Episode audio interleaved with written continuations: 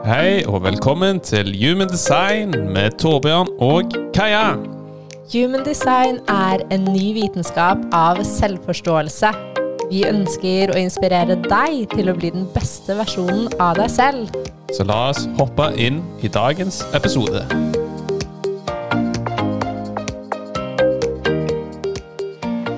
Hallo, og velkommen tilbake til vår podkast. Velkommen tilbake. Og før vi går inn i dagens episode, så vil vi bare si at vi er veldig takknemlige for alle som eh, lytter på denne podkasten og gir oss tilbakemeldinger og ja, egentlig i utgangspunktet støtter oss litt. For det er jo egentlig det man gjør. Ja. Tusen hjertelig takk. Og enten om du er en fast lytter eller om du er ny, velkommen. Mm. Og hei til deg. Så hva skal vi snakke om i dag, Kaja?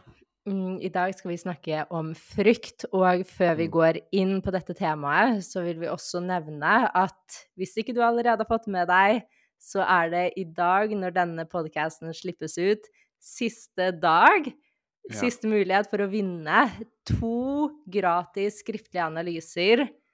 Så um, gå inn på vår Instagram, på vårt siste bilde, så er det informasjon om hvordan du kan bli med i trekningen.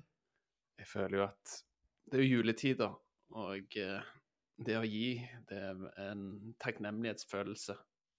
Og det er noe jeg føler er et veldig fint bidrag. Enig. Og så Mm. føler jeg det er mening med det. De som vinner, de, de vinner den av en grunn, og det er Mm. noe der kanskje de skal hente. Ja, eventuelt så kan man jo gi den bort hvis man allerede har, og det er jo det som er så fint. Ja, det er, det er Mm. bra at du får sagt det, fordi mange av dere har jo allerede bestilt skriftlig analyse. Mm. Så har du allerede bestilt, så kan du gi den igjen en, kanskje Mm. julegave. En veldig, veldig fin gave. Det er den beste gaven jeg kunne fått. ja, Og vi skal gi den til våre, våre nære og kjære. vi skal det. Men OK, Kaja, La Nå oss hoppe inn om frykt. frykt. Og det er jo også et interessant tema med tanke på at vi er nå i en stressende periode hvor man kan oppleve både stress og frykt Mm. eh, rundt desembermåneden og egentlig før julaften. Ja, det er jo egentlig i utgangspunktet en måned som for mange egentlig er mer stress enn nærende. Der i utgangspunktet desember skal være en tid for å roe ned, tilbringe tid med familie. Og egentlig i utgangspunktet gå litt innover, reflektere litt over året som har vært. Men så ender man kanskje opp en, egentlig mer sliten. Mm. Og det er jo en god påminnelse nå til å ta et dypt pust og tenke at eh, hva er det egentlig som er viktig? For det er så lett at vi går inn i et modus hvor vi tenker at ting må være perfekt, og at eh, Mm. vi må ha ordnet alt i forkant og vite at eh, hvordan kan vi være mer til stede i det som er nå? Fordi juletider kan være en veldig fin tid hvis vi tillater oss selv å synke inn i dette øyeblikk.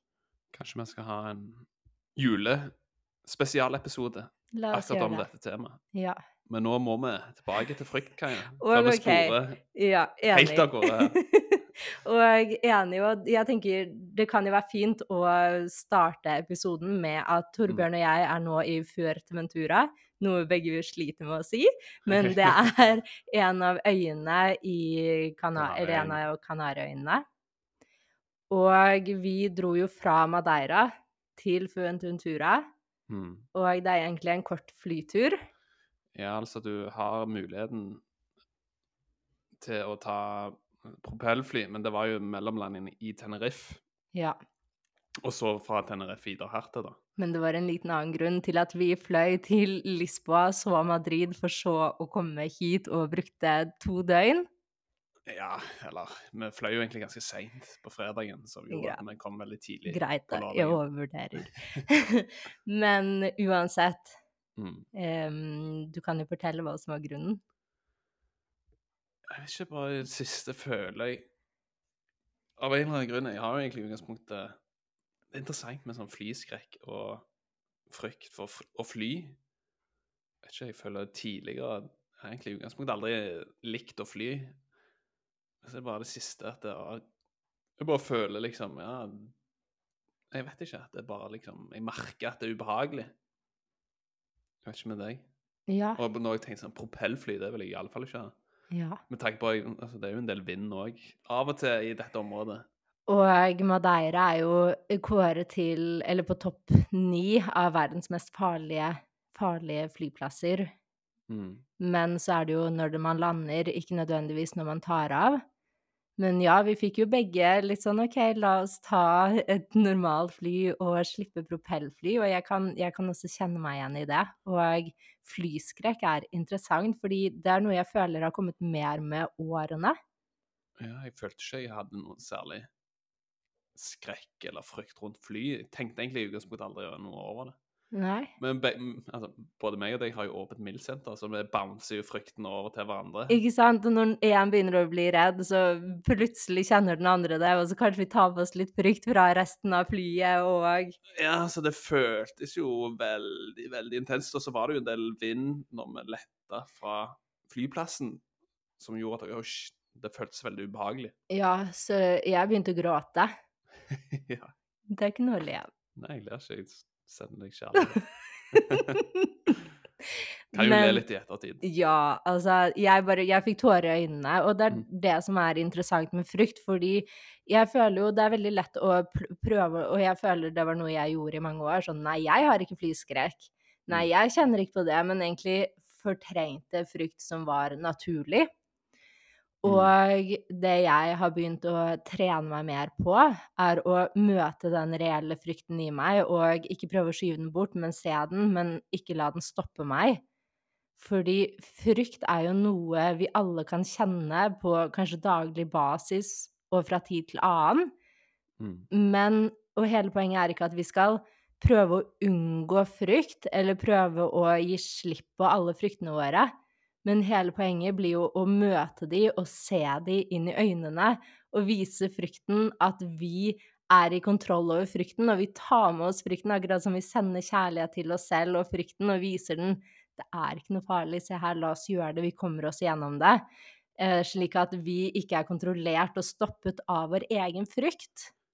Ja, og så er det jo veldig interessant, så er det jo ofte, slik jeg ser frykt, at man ofte lager en historie og fortelling ut fra hodet, ut fra tankene, ut fra sinnet, slik at man nesten egentlig kan skape en frykt som egentlig ikke er en realitet, Mm. som gjør okay, at man begrenser seg sjøl. Og det- jeg elsker jo det utsagnet at frykt er kun en illusjon.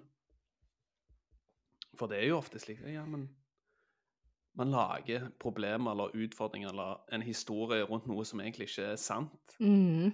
som gjør ok, ja, men da stopper jeg for, for eksempel ta den flyturen, eller om det er et eller annet, for å eksponere seg sjøl. Hvis vi hadde hørt på frykten for å ta fly fordi kanskje hodet vårt sier at 'tenk om det skjer noe', eller den eh, holdningen rundt å gi slipp på kontroll, eller Mm. å overlate kontrollen i andres hender, så hadde vi stoppet oss selv fra å oppleve verden.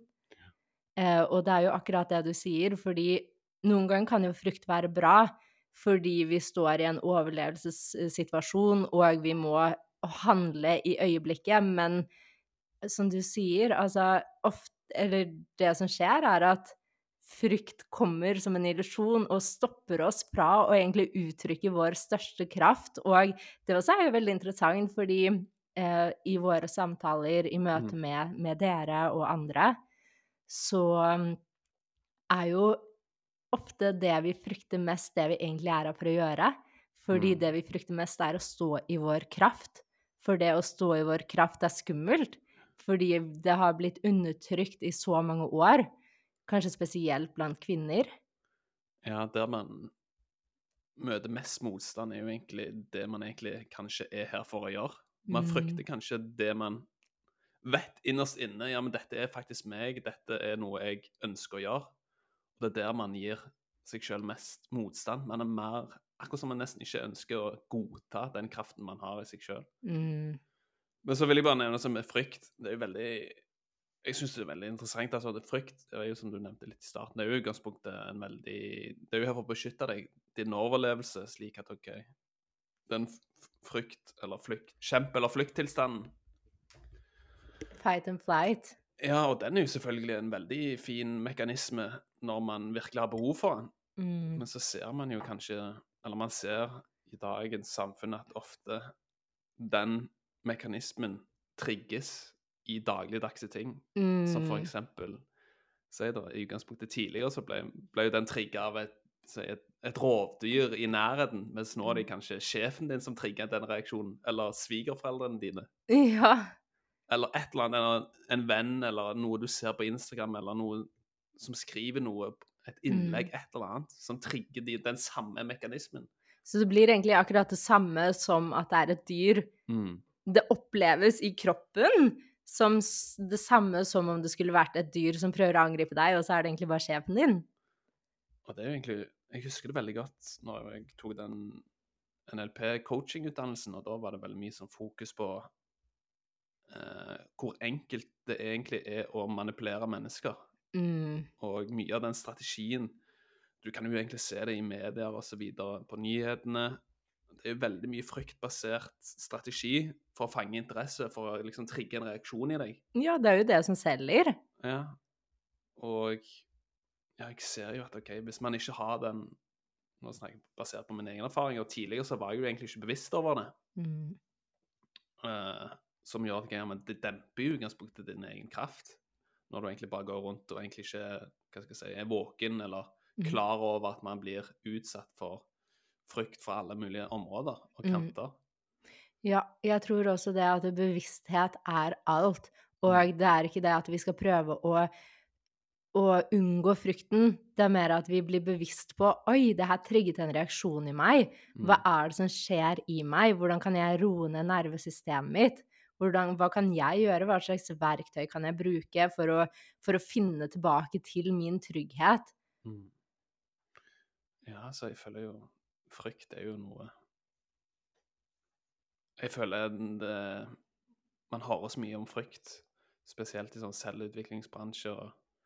at du må overkomme frykten dine, du må møte frykten dine, og jeg er jo enig i det. Men så er det jo òg interessant å tenke litt Ja, men hvis du fokuserer for mye på frykt, da vil jo energien din gå der. Så vil si OK, ja, men kanskje trigger du opp unødvendig frykt. Mm, Så det, jeg føler det er en balanse akkurat når det kommer til absolutt. Det er en balanse.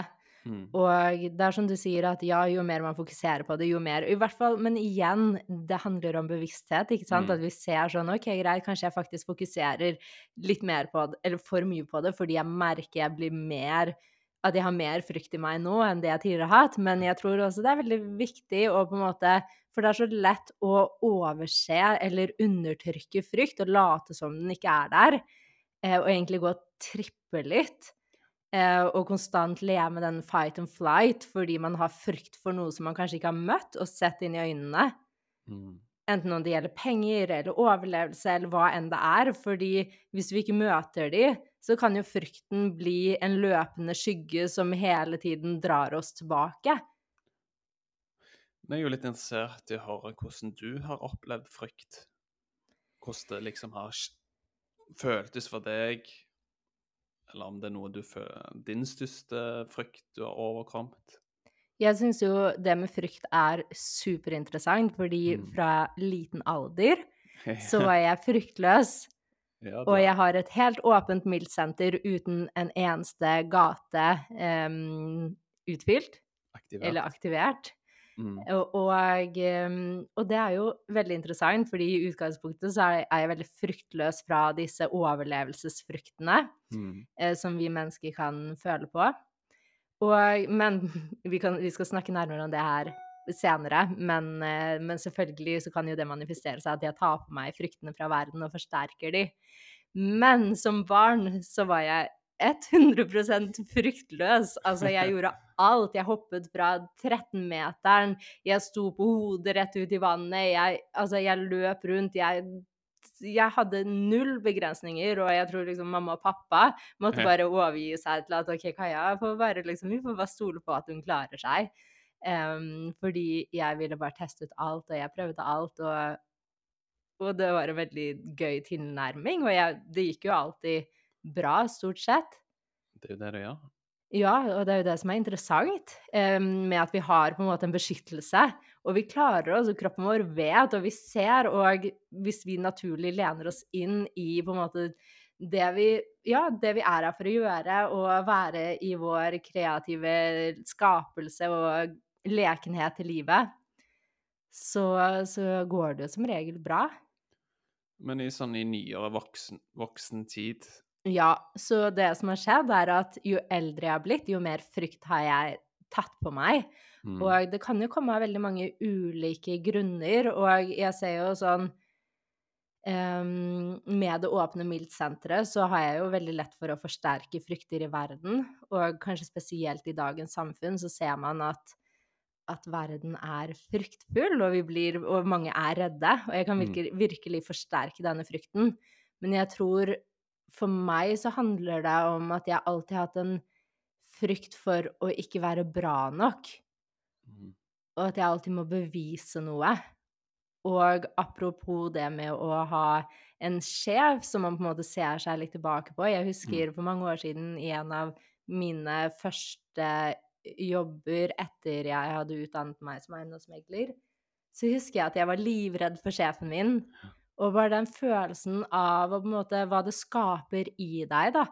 Jeg var Mm. redd for å um, ikke gjøre det bra nok, eller at jeg skulle ha gjort en feil. Um, og det som er interessant, er at hvis vi fokuserer for mye på disse fryktene, så manifesterer det seg. mm, Um, så jeg kjenner veldig den, den angstfølelsen til å ikke gjøre noe riktig, eller være bra nok i forhold til forventningene jeg tror at andre har til meg. Fikk du klump i magen, da? Ja. Veldig klump i magen. Interessant. Mm. Kanskje det er andre generator-MG som Som får en klump i seg magen hvis man føler at det, ok, ja, men nå er det mye frykt. Mm. Men er det noe du gjorde som gjorde at OK, ja, men Transformerte, eller OK Du merker det, men du lar, kan, du lar ikke fryktene kontrollere deg? Jeg tror jo for meg så var det slik at jeg, jeg var ikke bevisst på det. Det var Mm. mer sånn jeg levde veldig i overlevelsesmodus. Jeg gjorde det jeg trodde var forventet av meg, og jeg var veldig lite bevisst på mine handlinger og det jeg gjorde. Mer sånn jeg levde fra en dag til en annen, og levde etter det jeg trodde jeg måtte gjøre fra en dag til en annen. Mm. Og jo mer jeg kom i kontakt med meg selv, jo mer jeg begynte å studere meg selv og tok yoga, kom i kontakt med hvem er Kaja, hva er Kaja, begynte å se hva, hva jeg er her for å gjøre, forsto Hume Design-kartet mitt, og ser på en måte det i sammenheng med fryktene mine, og kanskje frykter som er helt irrasjonelle. Mm. Eh, Så for meg så er det sånn Nå når jeg møter en frykt, så er det mer sånn Å, nysgjerrighet. Sånn, hva er dette her for noe? Hva slags frykt er det? Og sånn som på flyet, da, mm. så er det mer sånn OK, greit, jeg merker det, jeg lar tårene renne, men jeg puster, dype pust, og jeg, jeg prøver ikke å stoppe frykten, men jeg lar heller ikke det stoppe meg for å ta den flyturen. Mm. Ehm, så, så for meg så har det egentlig handlet om å bli bedre kjent med meg selv og mer nysgjerrighet. Ja. Og muligens være litt, være litt snill med fryktene, Mm. og sende de kjærlighet. Mm.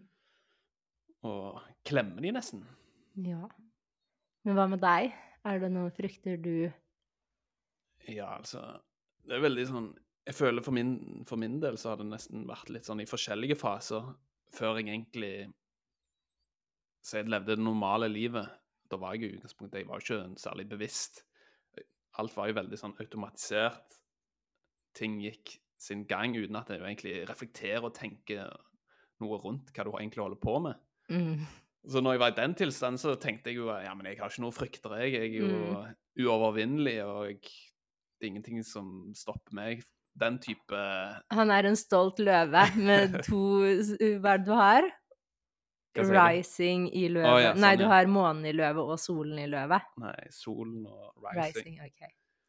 Men uavhengig av det, så Men så var det jo OK, så begynte jo Jeg vet ikke om jeg har fortalt denne historien tidligere, men meg og Kaja jobbet jo med en coach tidligere, for sånn, ja, litt over to år siden.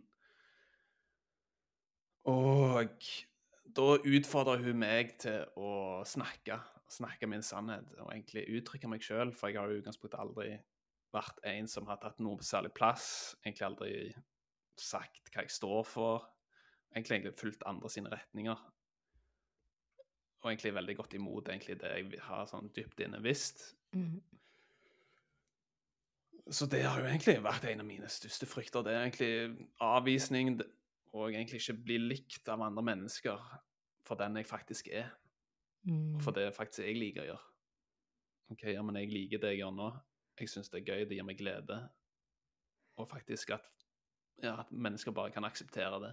Mm. Det liksom, tror jeg har vært den største frykten. Det er, og egentlig ikke uttrykke seg sjøl, og være seg sjøl.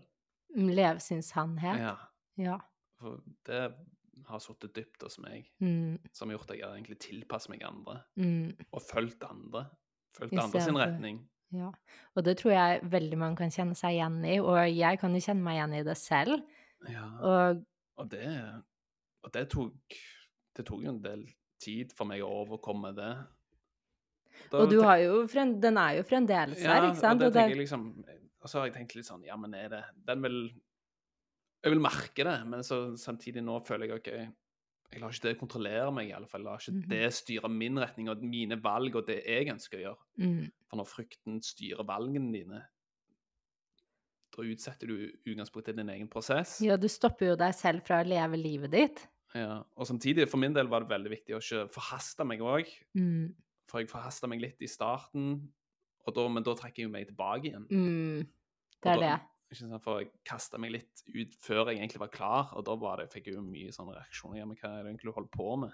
Mm, Men jeg sendte jo ut usikkerhet. Det, Det var jo den energien jeg var Jeg var jo usikker. Veldig usikker, og jeg hadde mye frykt i meg. Og jeg ønsket jo i utgangspunktet ikke å gjøre det jeg gjorde på det tidspunktet. Men jeg gjorde det likevel, og jeg er veldig glad for at jeg gjorde det. mm, Og det er veldig ironisk, for når du egentlig i utgangspunktet Nå, når jeg ser tilbake på det, så er det jo ofte okay, Det er jo mye Det er jo ingen egentlig som stiller spørsmålstegn ved meg lenger. mm, mm. Uh, så det er jo ofte ikke sant, Du lager historier og fortellinger og en, og en konsekvens framover i tid som egentlig ikke er reell i det hele tatt. Ja, og så lager du historier og fortellinger som manifesterer seg i den ytre verden, så du får det reflektert tilbake til deg, ikke sant? Fordi, Ja. Og det er jo det som er interessant, fordi, og det har jo vi sett veldig tydelig, jo mer usikre og, og jo- mer frykt vi har hatt rundt det vi har gjort, Mm. og jo mer vi har gått inn i det, jo mer har vi fått det tilbake fra foreldre og andre rundt oss, og jo mer trygge vi er på oss selv og ser at wow, OK, greit, vet du hva, jeg er ikke Jeg er, frykter ikke dette lenger, jeg står i min sannhet, jeg ser at det her er eh, det rette. Det er bare frykten min som har prøvd å på en måte stoppe meg fra å leve i min sannhet. Og da ser man jo at man møter en Mm. helt annen åpenhet og en helt annen nysgjerrighet. Ja, så er det jo ofte OK. De tviler altså- Altså, andre mennesker tviler egentlig ikke på deg. For de merker OK, men du gjør bare egentlig bare det du ønsker å gjøre. Mm. Og samtidig så er det jo ofte sånn i nære relasjoner at de du er glad i, de møter sine egne frykter gjennom deg. Mm. Og det er jo veldig interessant, for når du For eksempel, du slutta jo i jobben lenge før meg, Mm. og jeg òg merker Jeg syns jo det var sykt ubehagelig, Mm. men jeg møtte jo utgangspunktet mine egne frykter gjennom deg, Mm. gjennom at du tok et veldig tøft valg. Ja, men det også er jo interessant, fordi på det tidspunktet så var jo ikke jeg klar for Nei. å hoppe ut i det. Det her er, var jo hva da, 2018 eller 2019? Ja, 2019. Og jeg husker jo også bare sånn, og både fra deg og fra mamma, altså det var så Jeg møtte så mange reaksjoner, og Mm. det var jo helt naturlige reaksjoner som hvor jeg speilet meg selv i min egen i Mm. min egen usikkerhet, i tillegg til at selvfølgelig andre også Dere speilte jo deres egne frykter, så det er så Mm. interessant hvordan vi speiler hverandre konstant. Ja. Og så syns jeg det er interessant med deg da, Torbjørn, for du har jo eh, avvisning som ditt hovedsår, ja, jeg har jo det. Og og gate 49. pluss den eneste for- koblingen jeg har, er fra G-senteret mitt opp til halsen, så jeg er jo veldig sånn kritikk. Det kan jeg ta veldig personlig. Mm, og Så- det er jo en annen frykt, Ja. ikke sant? Så jeg føler jo at OK At man Ja. At de er der. At det er der. Jeg prøver ikke egentlig nå i alle fall å fjerne det og eliminere det bort, men å akseptere ok, ja, men det er en del av meg. Det er en del av meg jeg kan omfavne og i lys og kjærlighet, men det er ikke noe jeg tre nødvendigvis trenger å Mm. fjerne. Ja, og en annen ting som jeg kommer på nå, er jo at du har et åpent eh, viljesenter i Humdesign, og det Mm. er jo på en måte Um, en stor lekse for en med åpent viljesenter, handler jo om det å ikke finne verdi, um, eller prøve å, å overbevise sin verdi Mm. I noe man gjør i den ytre verden, men å omfavne sin verdi fra innsiden, uavhengig hva man gjør i den ytre verden. Ja. Eh, I tillegg til det åpne emosjonssenteret som handler om For det også er jo åpent hos deg.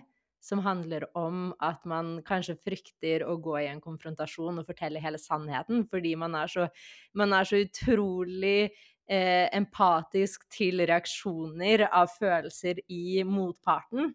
Så det er jo helt naturlig at det her har kommet opp for deg, men så Mm. ser du jo nå sånn Jo mer du på en måte står trygt i deg selv, jo mer du går inn i frykten, og jo mer du møter deg selv de gangene du kjenner at å, nå føler jeg et ubehag, nå føler jeg at jeg er redd for avvisning, eller nå føler jeg at det her er en avvisning, så kan du være nysgjerrig sånn Å, det her er bare en del av min frykt, men Mm. det er jo ikke meg. Altså, på andre siden av det så er det jo Sannhet. frihet og sannhet.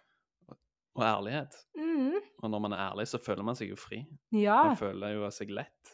Mm, og når du snakker fra hjertet ditt, og med rett in eller god intensjon, så Mm. gjør du jo alle en tjeneste, selv om det kan være ubehagelig i øyeblikket. Ja, det er veldig godt sagt, og det er noe jeg må minne meg på konstant. Ja. Og jeg merker, jeg føler jo det ubehaget ofte i ja, eksempel det å stå opp og snakke sin sannhet, Mm. selv om sannheten eh, kan være ubehagelig. Og nå kommer jeg på en annen frykt jeg har, som kan Mm. være sånn Og det er bare et eksempel på at noe i mitt Human Design-kart som jeg er her for Gate 40 handler jo om at man er her for å bli sett, Mm. men ikke nødvendigvis bli, bli sett liksom på en Altså i hele verden, eller superkjent, men mer sånn OK, bli sett av din gruppe mennesker. Det kan være tre, Mm. det kan være 100, det kan være en million. Det kan Mm. være hele verden. Det er ikke det som teller. Um, og en av mine største frykter har vært å bli sett. Og jeg husker Mm. at jeg ble all sånn rød i ansiktet når jeg, når jeg, ble når jeg følte at masse folk så på meg, og jeg ble helt satt ut. Når søkelyset er på deg. Ja, og jeg kan merke det enda, at jeg blir litt sånn trekker meg tilbake hvis det er mange mennesker, Mm. og jeg føler at alle ser på meg. Mm. Eh, så det er interessant. Og så kommer det jo også sånn, hva er det, hva, er, hva innebærer det å bli sett? Hvorfor vil man i så fall bli sett? Så kommer vi tilbake til, ok, Ja, hvilken intensjon er det hvilken du har? Hvilken intensjon er det man har? Fordi med ren intensjon så er det vakkert, og kanskje man må legge sin egen, sitt eget ego til side og si at ok, jeg blir blir sett ikke fordi jeg skal være populær eller folk skal Mm. anerkjenne meg, men fordi at man kan bistå verden.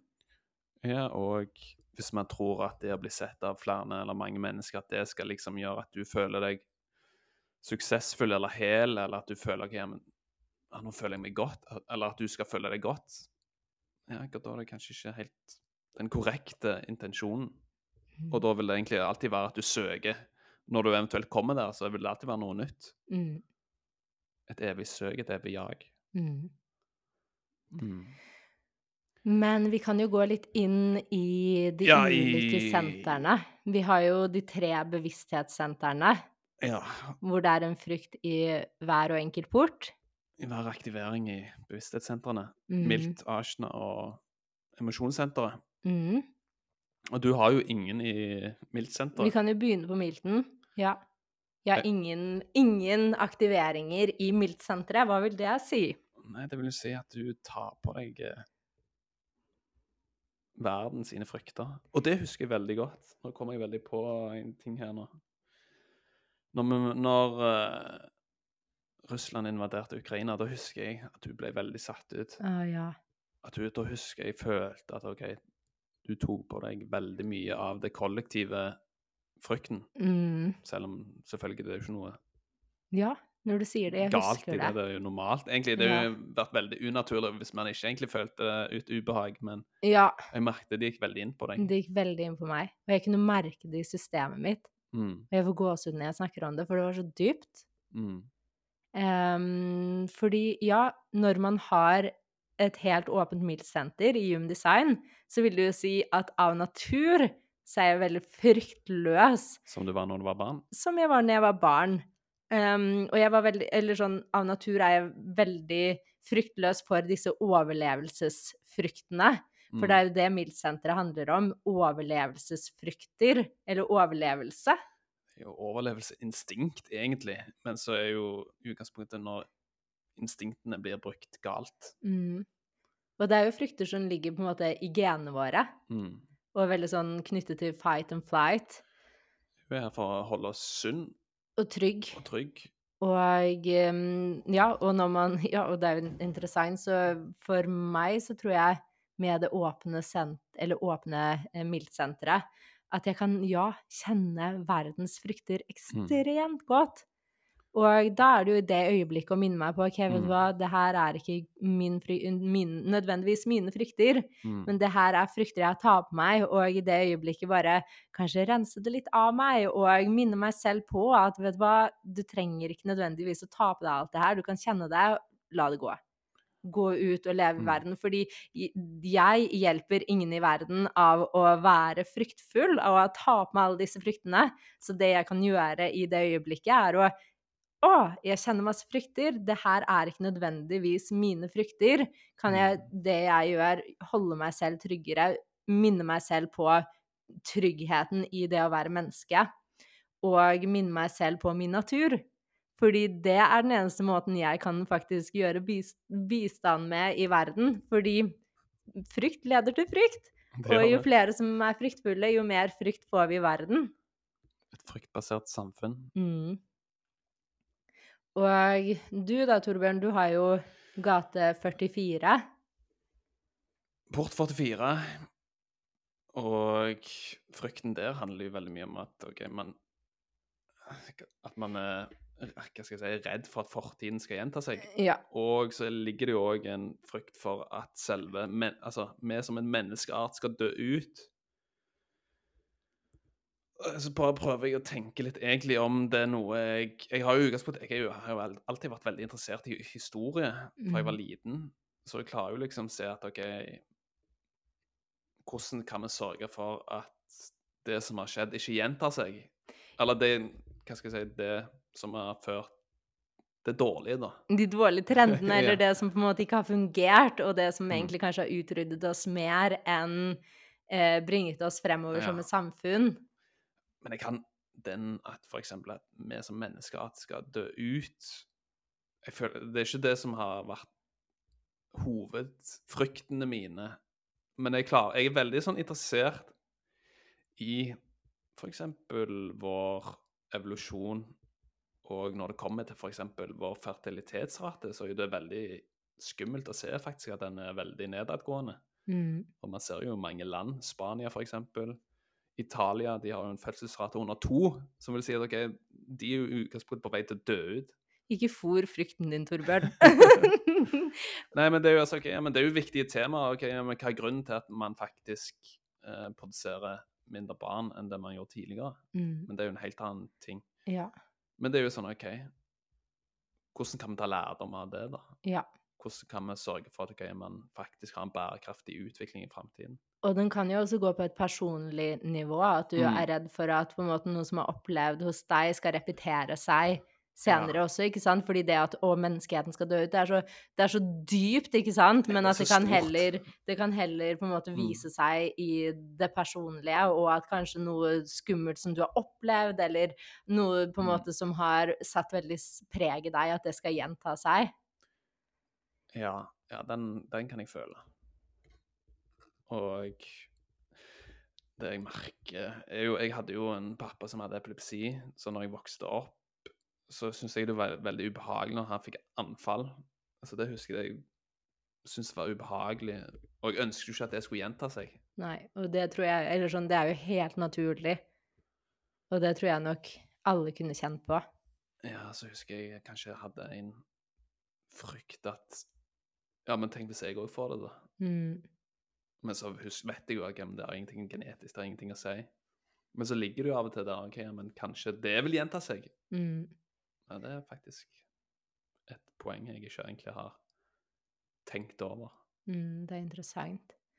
Så jeg tror jo bare sånn Og når man møter disse fryktene, bare sånn vite at det er helt naturlig. Og vi vil jo også fordi man hører sånn Å, man Mm. manifesterer sitt eget liv, og vi må passe på hva vi tenker. Og så kommer det frykttanker, ikke sant? Og det er helt naturlig. Det var jo noe vi snakket om i går. Mm.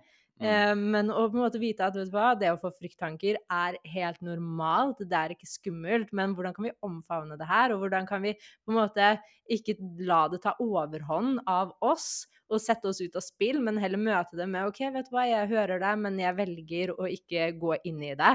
Jeg Mm. velger å la, gi slipp på den tanken, og å på en måte omfavne det istedenfor å, å på en måte fòre tanken og gå inn i historien. Å le, altså, leve gjennom fortellingen og historien. Mm. For det trigger jo egentlig de emosjonene, den følelsen, enda mer. Mm. Jeg tenker sånn, er det noen andre sentre du har lyst til å nevne eh, i MILT-senteret? Tenker du på aktive porter? Ja, som du føler sånn Jeg føler jo kanskje Port 48 er interessant fordi den er Mm. så dyp, da. Ja. Frykt for utilstrekkelighet. Mm. At man ikke har den nødvendige dybden tilgjengelig. Ja. Mm. Og den føler jeg den er så stor, men så Mm. er den så vis, og under denne frykten så har den jo på en måte en sans for å virkelig ha dybden.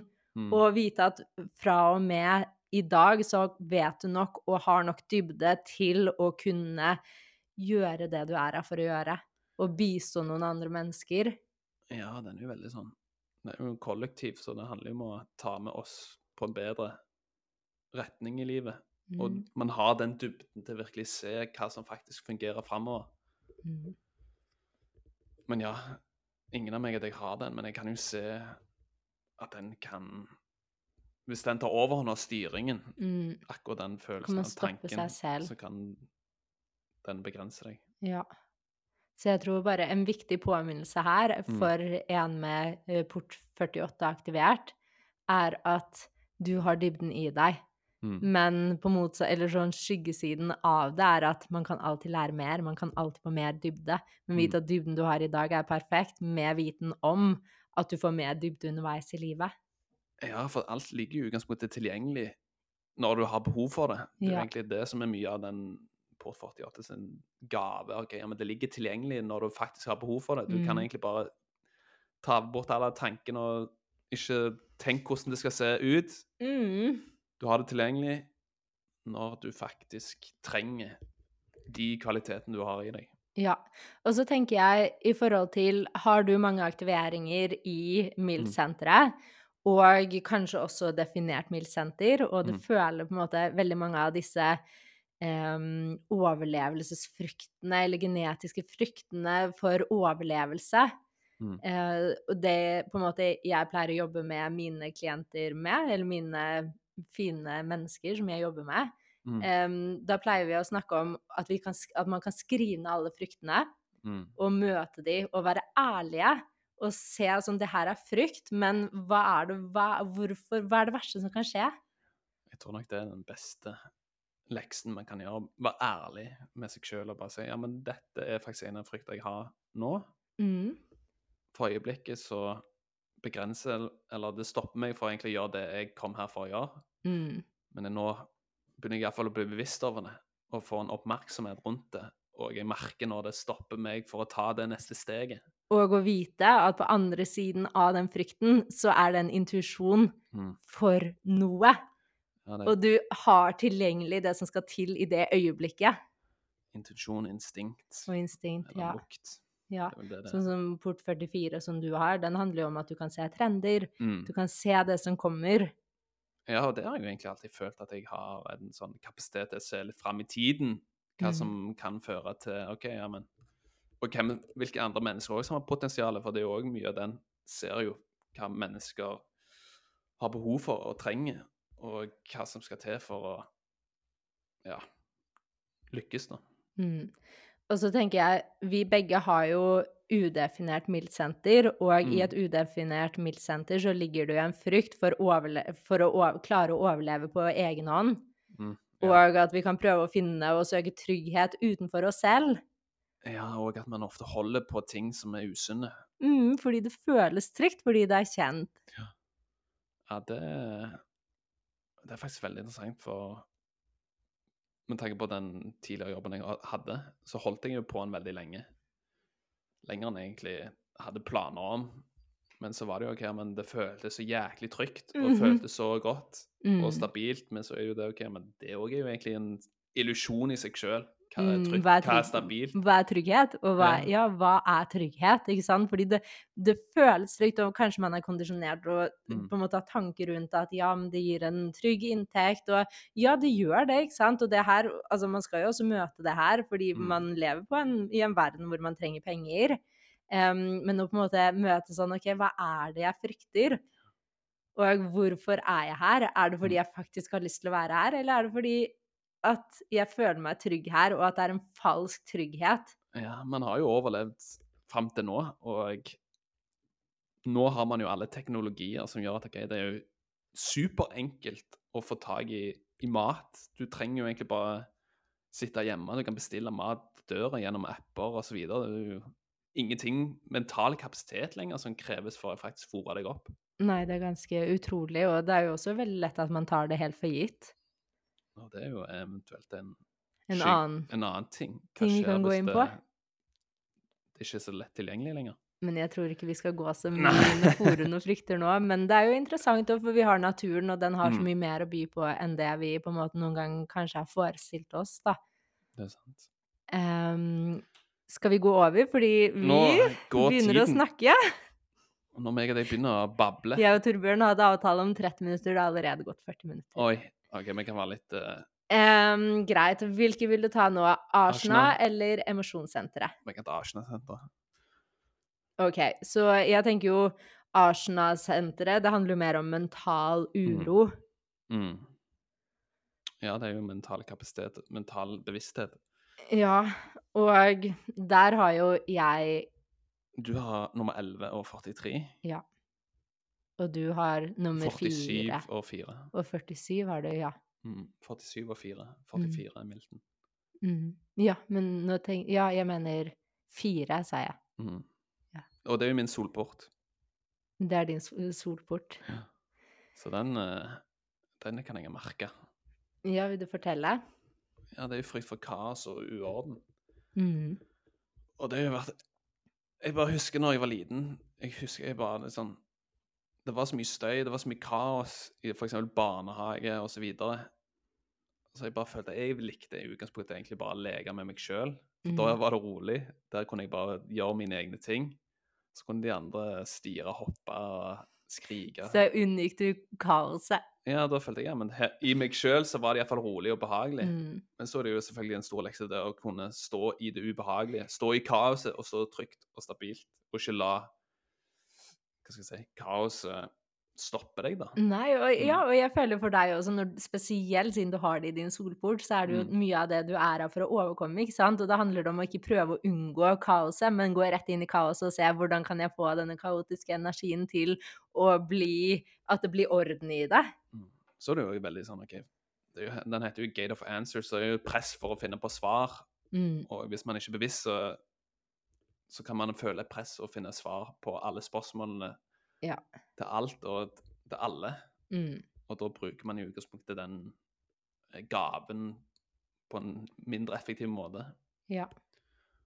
Så tenker jeg i forhold til um, port fire, det er jo Mm. interessant, fordi jeg òg kan jo oppleve Før så var jo du veldig sånn Å, hva er kaotisk? Og fordi jeg kan oppleve som mer kaotisk enn deg, og du, du har jo på en måte tidligere vært veldig kontrollfreak. Det her har jo vi snakket om mange ganger.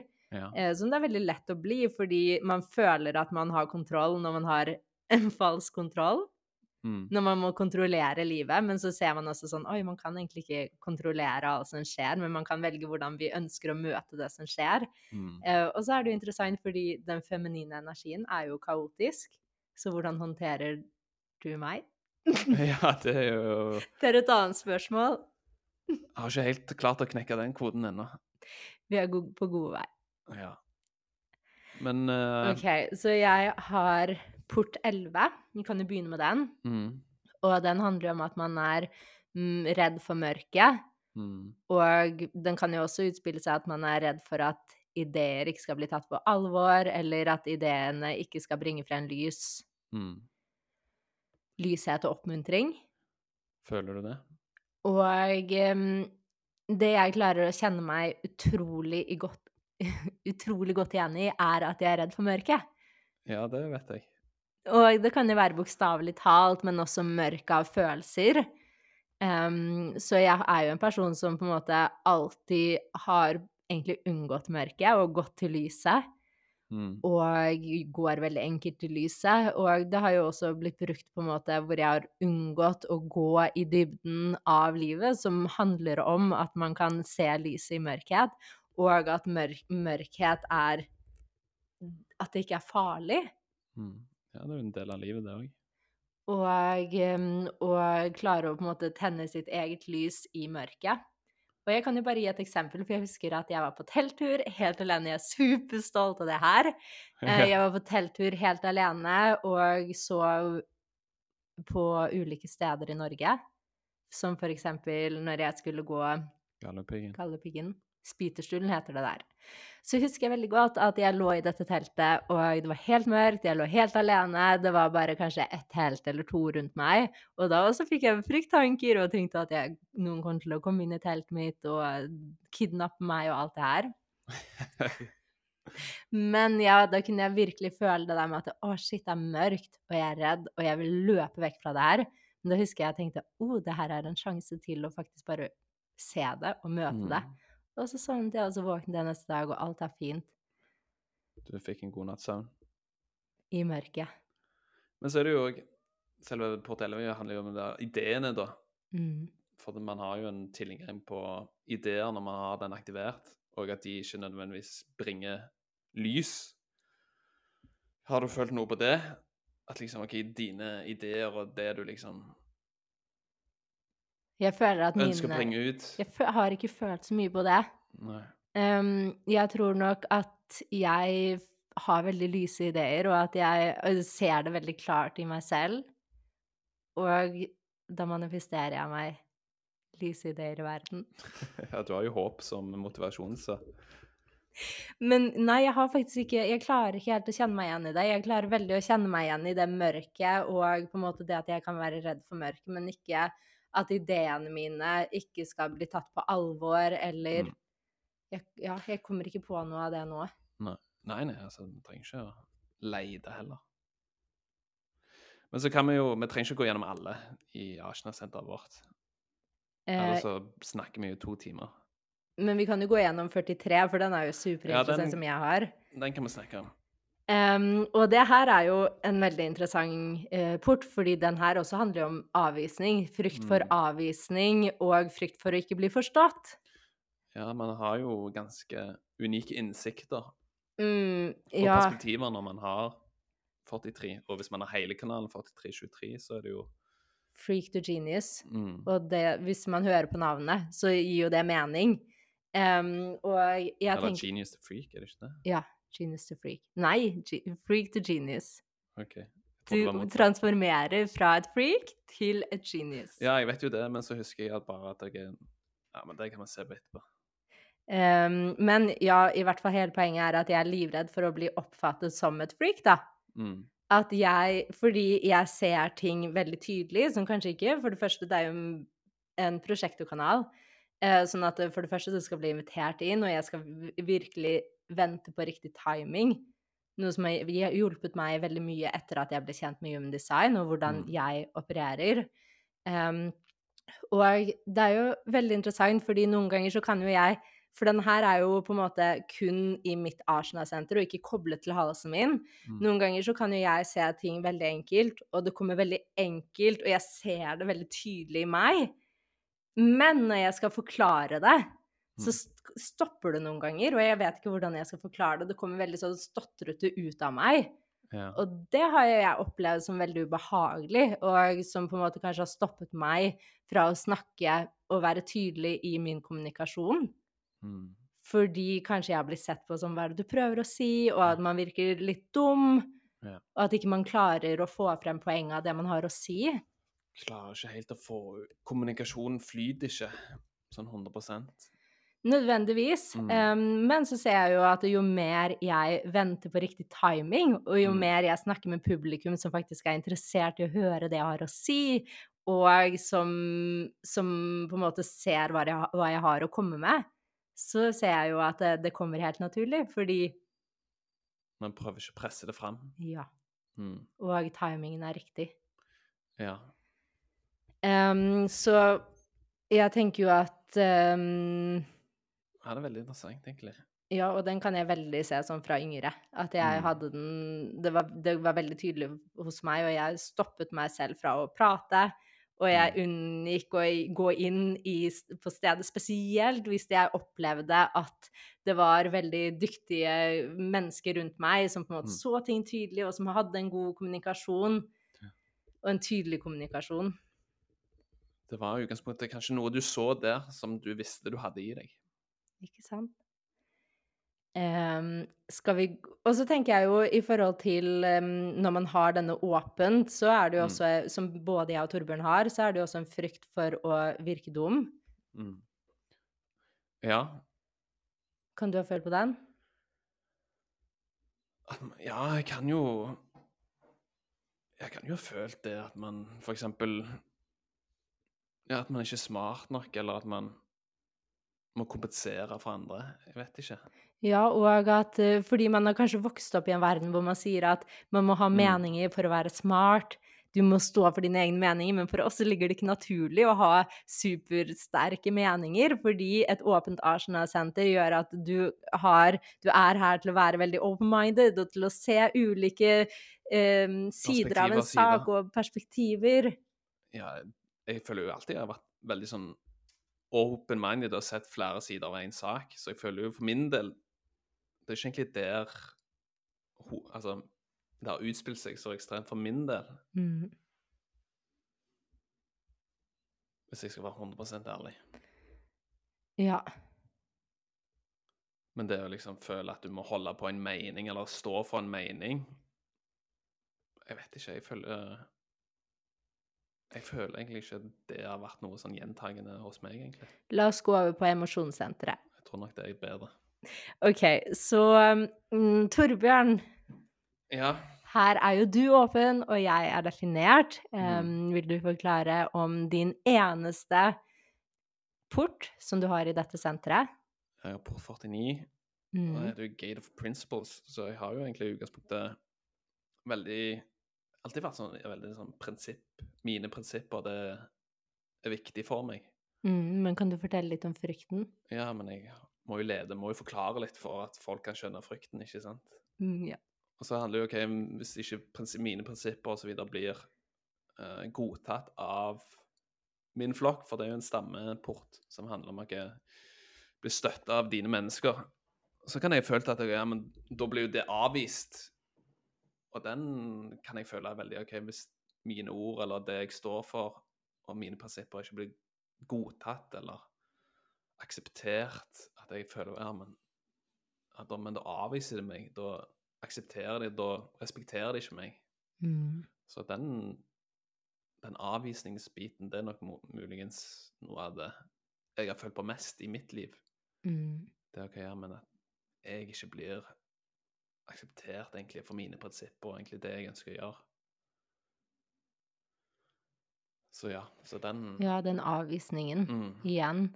Og i hvert fall når det på en måte er i hovedsåret ditt i tillegg til den, så kan jeg jo på en måte se at den kan være veldig sterk i deg. ja, Og det Ja. ja, med et åpent så er det veldig ubehag meg for kanskje kommunisere sannheten i tillegg. For jeg Mm. tar på så mye fra andre, og det kan føles veldig overveldende.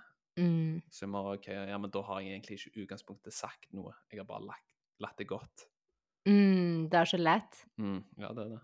Og det er jo noe jeg ser i deg, som du overkommer mer og mer.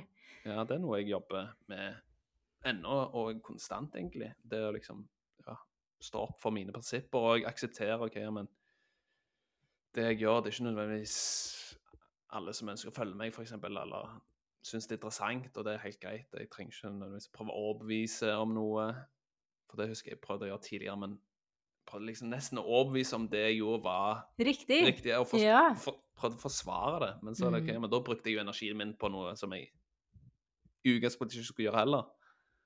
Så det er veldig sånn Ja, det gikk en sånn interessant uh, sirkelloop. Ikke sant. Og ja, jeg tenker jo det som er interessant med den med Port 49, er at den er veldig koblet til dyr. Mm. Og det er jo kanskje en grunn til at du er så glad i dyr, og at den er så koblet til dyr, fordi at dyr avviser deg aldri. Nei, du har en veldig lojal venn. Du har en veldig lojal venn, og du blir ikke avvist uavhengig av hva du sier, hva du gjør. Ja, ja vi hadde jo en hund når vi vokste opp. Ja. Han var jo min beste venn. Åh. Scott heter han. Jævla fin. OK, så um, hvis vi går inn på Jeg også har jo to. Du Vi kan i hvert fall gå inn på den ene. 30 og 37. La oss gå inn på 30. Ja, for den kan jo føles kanskje litt Ja, intens. den er, jo, den er jo veldig Det er jo en intens kanal.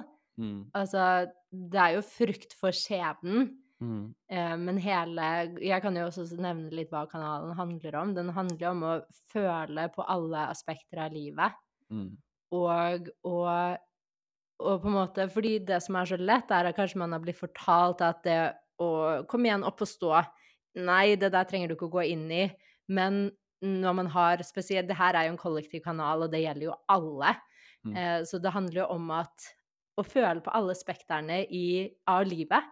Og Mm. sjelen vår og skjebnen vår craver og ønsker å føle alt det livet har å by på. Dype følelser av emosjoner, både gode og dårlige. Mm. Jeg liker ikke å si det engang, men både på en måte positive følelser og mindre behagelige følelser, kanskje. Men så er, de, så er de behagelige når vi bare tillater å akseptere at det bare er energi som går igjennom oss. Mm. Men hele poenget med frykt for skjebnen, um, det handler jo om at ja, og jeg kan jo kjenne veldig det der, at jeg går ofte inn med en forventning Og det her også, det er kollektivt. Vi har en forventning. Vi ser for oss hvordan en situasjon skal være. Vi tenker at det, hvis livet bare blir sånn, eller hvis liv, det her endrer seg, så blir livet bra. Og det er jo en illusjon av frihet, fordi vi har jo frihet i det vi har, uavhengig av hvordan livet ser ut, og hva som er rundt oss, og møte det her vi er nå. Og jeg tenker jo sånn, så jeg kjenner den her ekstremt i meg, fordi la oss si at jeg drar fra Madeira til Fuentuntura, og så har jeg så høye forventninger fordi Madeira levde opp til alle forventningene. Mm. Og så kommer vi hit, og så er det sånn Oi, naturen er ikke like fin, og så er det veldig lett å bli skuffet, ikke sant? Mm. Og så da egentlig ung... Men så glemmer man at, vet du hva, skjebnen har helt annen pakke å levere meg enn det jeg kanskje tenker fra hodet mitt, eller det jeg kanskje ønsker, Mm. men som er best for meg, for det er skjebnen min og det jeg er her for å gjøre og uttrykke, eh, og å oppleve. Eh, Og det kan jo utspille seg på så mange ulike ting, så hele poenget for meg handler om å ikke gå inn med en forventning, men å si at OK, vet du hva, ok, så la oss si nå da at jeg føler at det er mindre å gjøre her, eksempel, men kanskje det er skjebnen som viser meg at ja, men da kan jeg finne mer Møte meg selv mer. Jeg løper ikke så mye rundt. Jeg Mm. sitter mer i meg selv og stoler på at skjebnen og det jeg møter, er akkurat det jeg trenger, men kanskje ikke det jeg ønsker. Mm. Og, og ikke prøve å kontrollere det, men å dykke ned i det. Jeg tror nok det er en veldig stor lekse for alle som har Det er jo en kollektiv abstrakt eh, kretsen som handler veldig mye om å gå inn i en erfaring og en opplevelse uten noen forventninger om et utfall. Ja, fordi man sier ofte sånn livet kunne vært bra dersom. Mm. Og så er det en illusjon av en drøm som kanskje, hvis man har det, at liksom det ikke lever opp til det. Mm. Men å vite at vi alle er her, og vi alle har begrensninger på ulike måter. Vi har ulike hemninger, altså, eller hemmelser. Vi har ulike ting som kan, på en måte, som er her, som er en del av det å være menneske.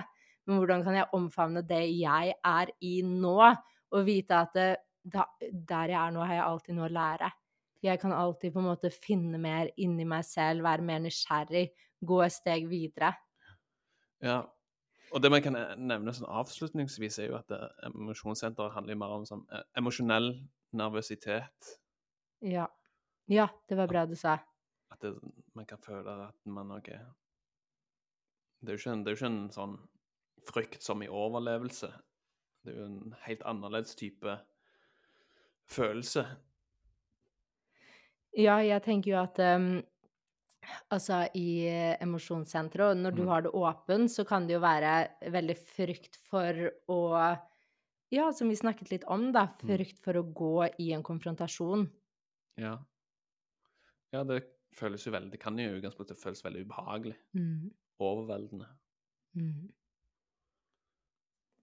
Men nå har vi jo Vi har spilt av i én time akkurat. Så em, vi prøver å holde de innenfor én time, egentlig, for det jeg kunne sitte der og snakke i Ja, tre altså. timer. Når det kommer til frykt, så er det utgangspunktet et tema man kan snakke om i utgangspunktet veldig lenge. Ja.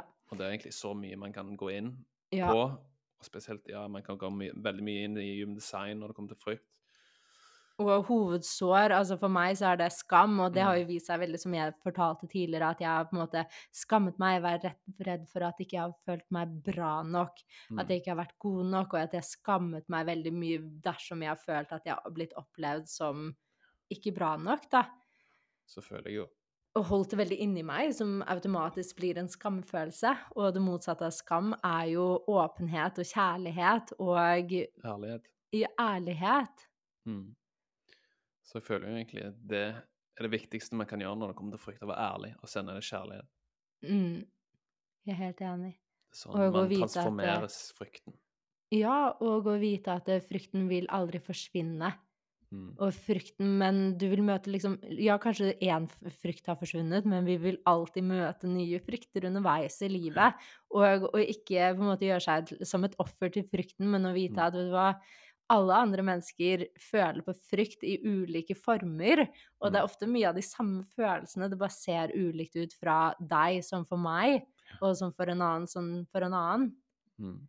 Og eh, ja, jeg kom på nå at vi fikk også egentlig ganske mange spørsmål, men jeg tror vi har svart på de fleste spørsmålene faktisk underveis. For Ja. mange lurte på frykt i de ulike sentrene. Ja, så er det jo Man kan alltid snakke mer om det, men så føler jeg at kjernen det, det viktigste er at man omfavner det og viser kjærlighet. Ja, Og så føler jeg at det er det viktigste. enig. Kjærlighet vinner over alltid. Ja, og det er lett sagt. Det er det. Det er noe man må jobbe mot. Ja, og bare huske at den er der, Mm. og at eh, og vi er trygge i oss selv, uavhengig av hva som skjer. Men å finne tilbake til den tryggheten, det er noe vi må huske på. Det er det. Og det er det jeg vil si. Nå har vi en trøtt prosjektor her. Ja, nå merker jeg at det, Han må ta seg en hvil. eh, kjø- har fått kjørt seg. Uten noe motorsenter her, vet du. Det må du du tar på deg midt og forsterker, så ikke kom her. OK. Nå må jeg hvile. OK, Horisontal stilling. folkens. Vi håper at dette her har vært hjelpsomt for deg. Kom gjerne inn på Instagram og fortell oss hvordan du opplevde denne episoden. Gjør gjerne det. Vi ønsker deg en fin dag. Ha det. Ha det.